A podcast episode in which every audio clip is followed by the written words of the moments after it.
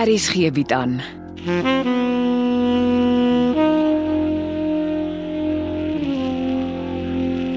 Afsluiting deur Jo Kleinhans.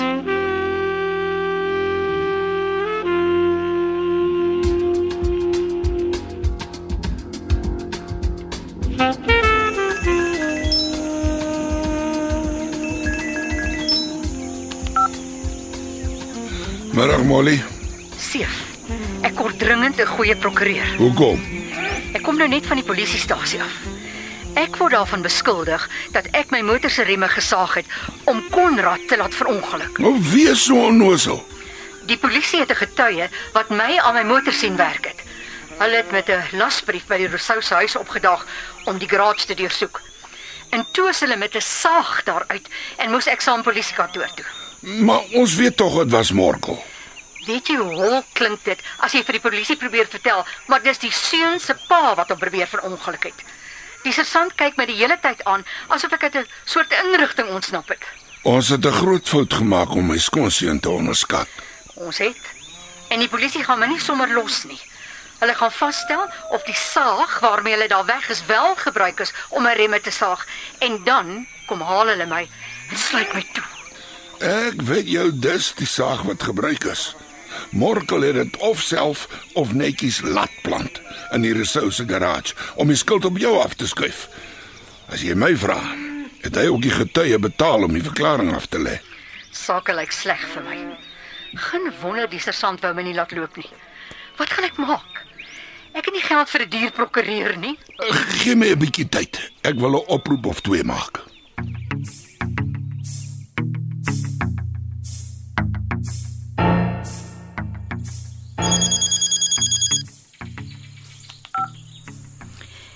Ja, Morkel. Ah, my kontak vertel my jy het soos 'n vark gesweete miljoene vrae, hè? Jy gaan nie hiermee wegkom nie. Nou as jy natuurlik jou tas pak en uit die lewe van die resouspad gee, verdwyn die sagie soos mis voor die son. Na alles, verstaan jy nog steeds nie waaroor dit gaan nie. Ons wil net 'n klein dogtertjie versorg kry. En jy kan maak met die dogtertjie wat jy wil, solank jy net nie my naam aan haar koppel nie. En uh as sy jou kind is, Dan hoef niemand daarvan te weet nie. Sulke kinders hoort in elk geval in 'n spesiale plek of inrigting. spesiale plekke kos geld. Vra vir Seef Versagie, hy borg graag sukkelaars. Hy sal eerder sy geld vir mense op straat gee as vir sy eie vlees en bloed. Solank jy weet jy's alles behalwe sy vlees en bloed.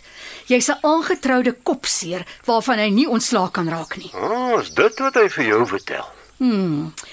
Almal op goed begin weet die moeilikheidmakers is jy en Erik se tollie. Geen wonder jy steek die blikskottel weg op jou skelmstuk grond nie. Uh, Watter skelm stuk grond. Die grond waarheen jy die bees voer wat jy op goed begin steel. Hey, jy moet oppas wie jy sê. Dis deesdae nie moeilik om ernstige aanklagte teen individue aanhangig te maak en hulle semi-permanent in die hof te hou nie. En daarvoor sal jy natuurlik die gesteelde skilderye se geld kwistig gebruik. Korreksie. Die skilderye behoort wettig aan my. En ja, ou, dit gaan my 'n handige meevallertjie in die sak bring wat ek kan gebruik soos ek wil. Onder andere om van lastige vliee ontslae te raak. As ek jy is, gaan sit ek rustig onder 'n boom en neem my lewe in oënskou. Is Amelia Rousseau regtig al die drama werd?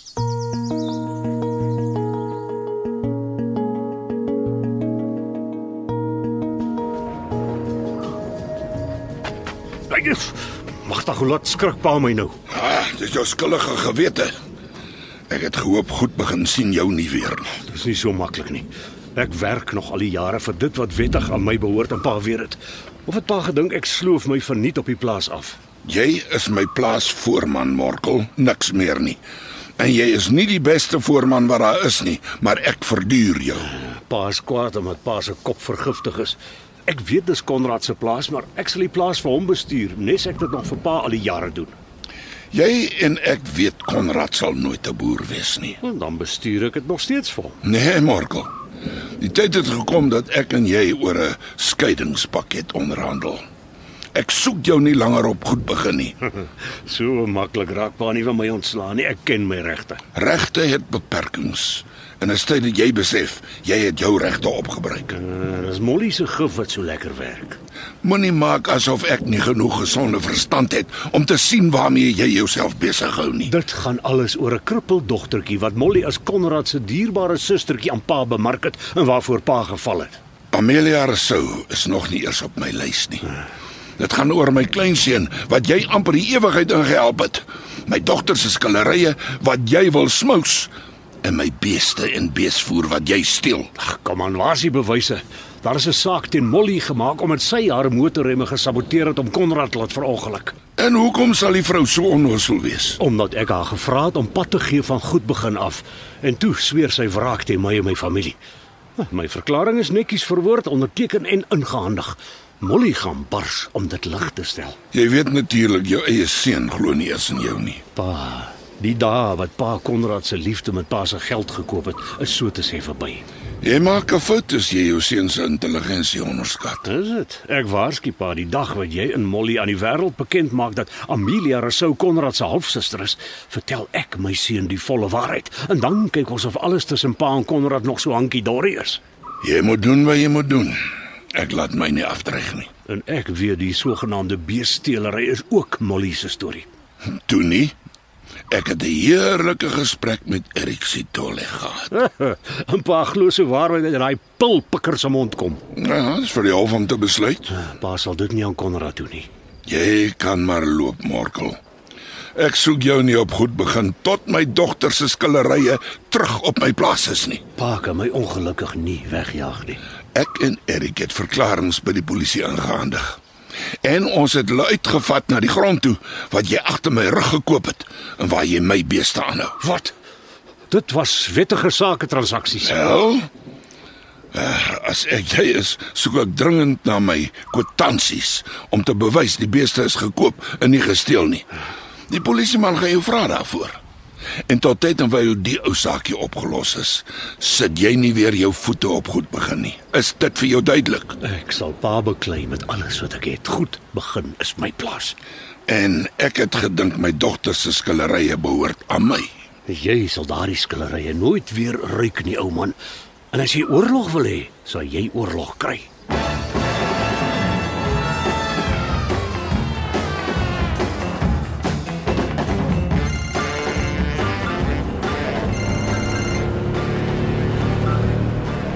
As jy jou oupa gevra het om my te bel, kan jy maar jou asem spaar. Hy het die oorlog begin. Naand pa. Ek weet niks van Paul is onder ons nie. Ek is by die werk, dis my koffiebreek. Dan weet ek hoekom jy bel. Jou vriendin van vrede het jou gevra om my hart te probeer sag maak, né? Hoekom? Wat gaan in vrede aan? Wil jy vir my sê die teewerasie het jou nie gebel nie? Nee, moes hy. Die polisie het haar gegryp. Hulle vermoed sy is die skuldige. En voor jy my soos jou oupa vra hoekom om my en my familie by te kom omdat ek haar van goed begin af weggejaag het. Maar dis nie waar nie, pa. Ah, die waarheid sal wel in die hof uitkom, solank jy net nie haar liegstorie glo dat ek agter die ongeluk sit nie. Hoekom het jy my gebel? Dit gaan oor die skilderye. Ah, so, jou oupa het jou opgesteek om my te bel. Nee, ek het 'n kontantkoper vir die skilderye. Wie? Dis confidential. Dink jy ek is onnosel? Jou oupa het jou aangesê om te bel met die aanbod. En hoeveel bied hy my nogal aan? Dis nie oupa nie. Ek het 'n koper vir 'n miljoen rand. Ah, hy weet wat dit werd is omdat jy my waardasielys gesteel het. Ek sê mos dit is nie oupa nie. Ja. Anyways, dis kontant. Maar die koper soek die oorspronklike waardasielys. En ek wil weet wie dit is. Dan skakel pa my uit die transaksie en gaan reguit na die koper toe. En hoeveel is jou kommissie? Dis so confidential. jy skelmer as wat ek gedink het. Wag tot jou oupa hiervan hoor. Daar is niks skelms aan die transaksie nie. Dis alles above board. Ah, kom ek raai dis jou girlfriend se pappa in die kunsateljee wat agter die skillery aan is, hè? En jy help hulle omdat jy die harts vir Cindy het. Wel, hier is my aanbod. Ek sal die skillerye vir 'n miljoen rand kontant laat gaan, maar ek soek die dame van die nag terug. Dis verkoop en pa weet dit. Ja, en die kunsateljee weet presies aan wie dit verkoop is. Al wat die briljante dokter Becker moet doen, is om na die koper toe te gaan en dit vir my terug te koop. Hoekom is die skilderye skielik vir pa so belangrik? Jou ma het beslis nie daai vrou om dowe neute te geskilder nie. Luister hier. Ek soek die skillery saam met die miljoen rand kontant of ek kry 'n ander koper en ek gaan nie voete sleep om die goed te verkoop nie. Ek het die geld nodig.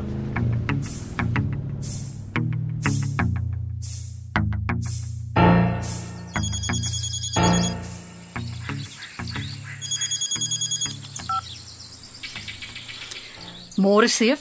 Môre Molly. Uh, man, jammer ek val sommer so met die deur in die huis. Kan jou nuwe versorger sonder jou regkom? Nee, ek dink so.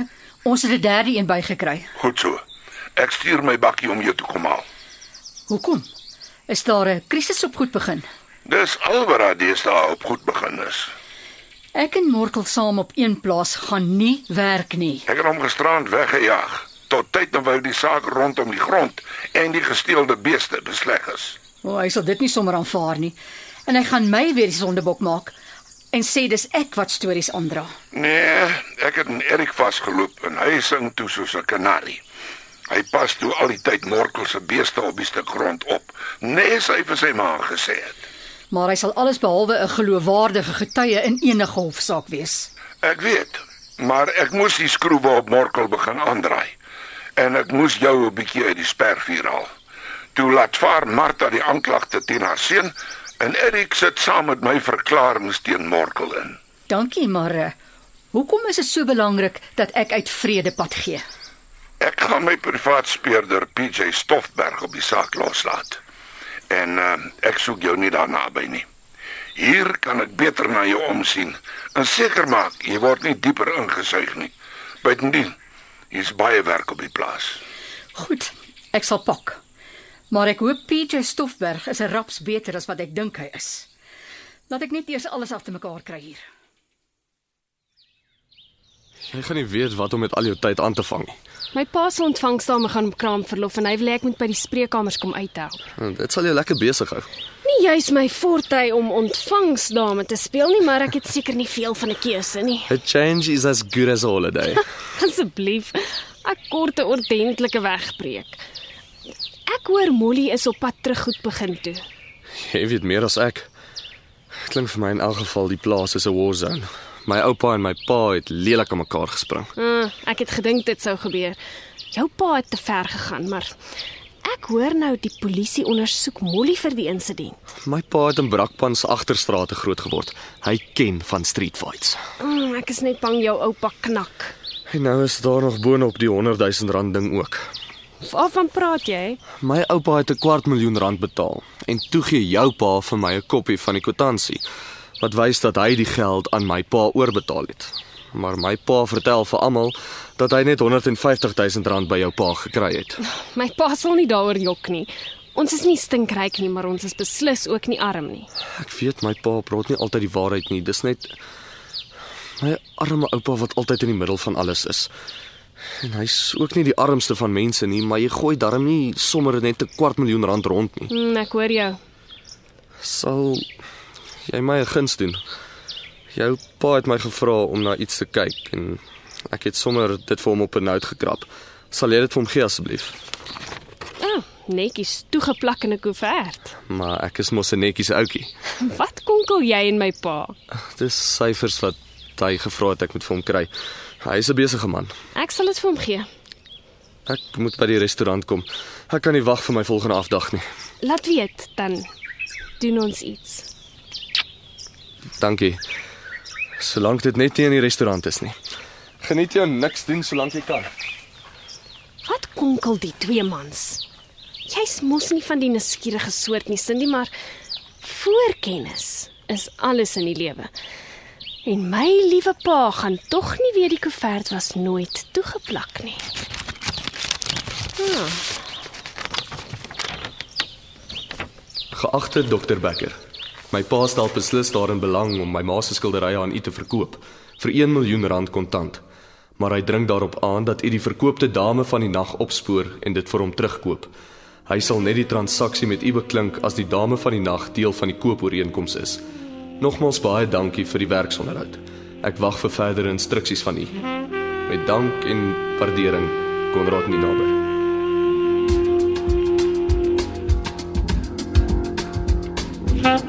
Afsluiting is geskryf deur Jo Kleinhans. Evit Snyman Junior en Bongwe Thomas beheer die tegniese versorging en die storie word in Johannesburg opgevoer onder regie van Renske Jacobs.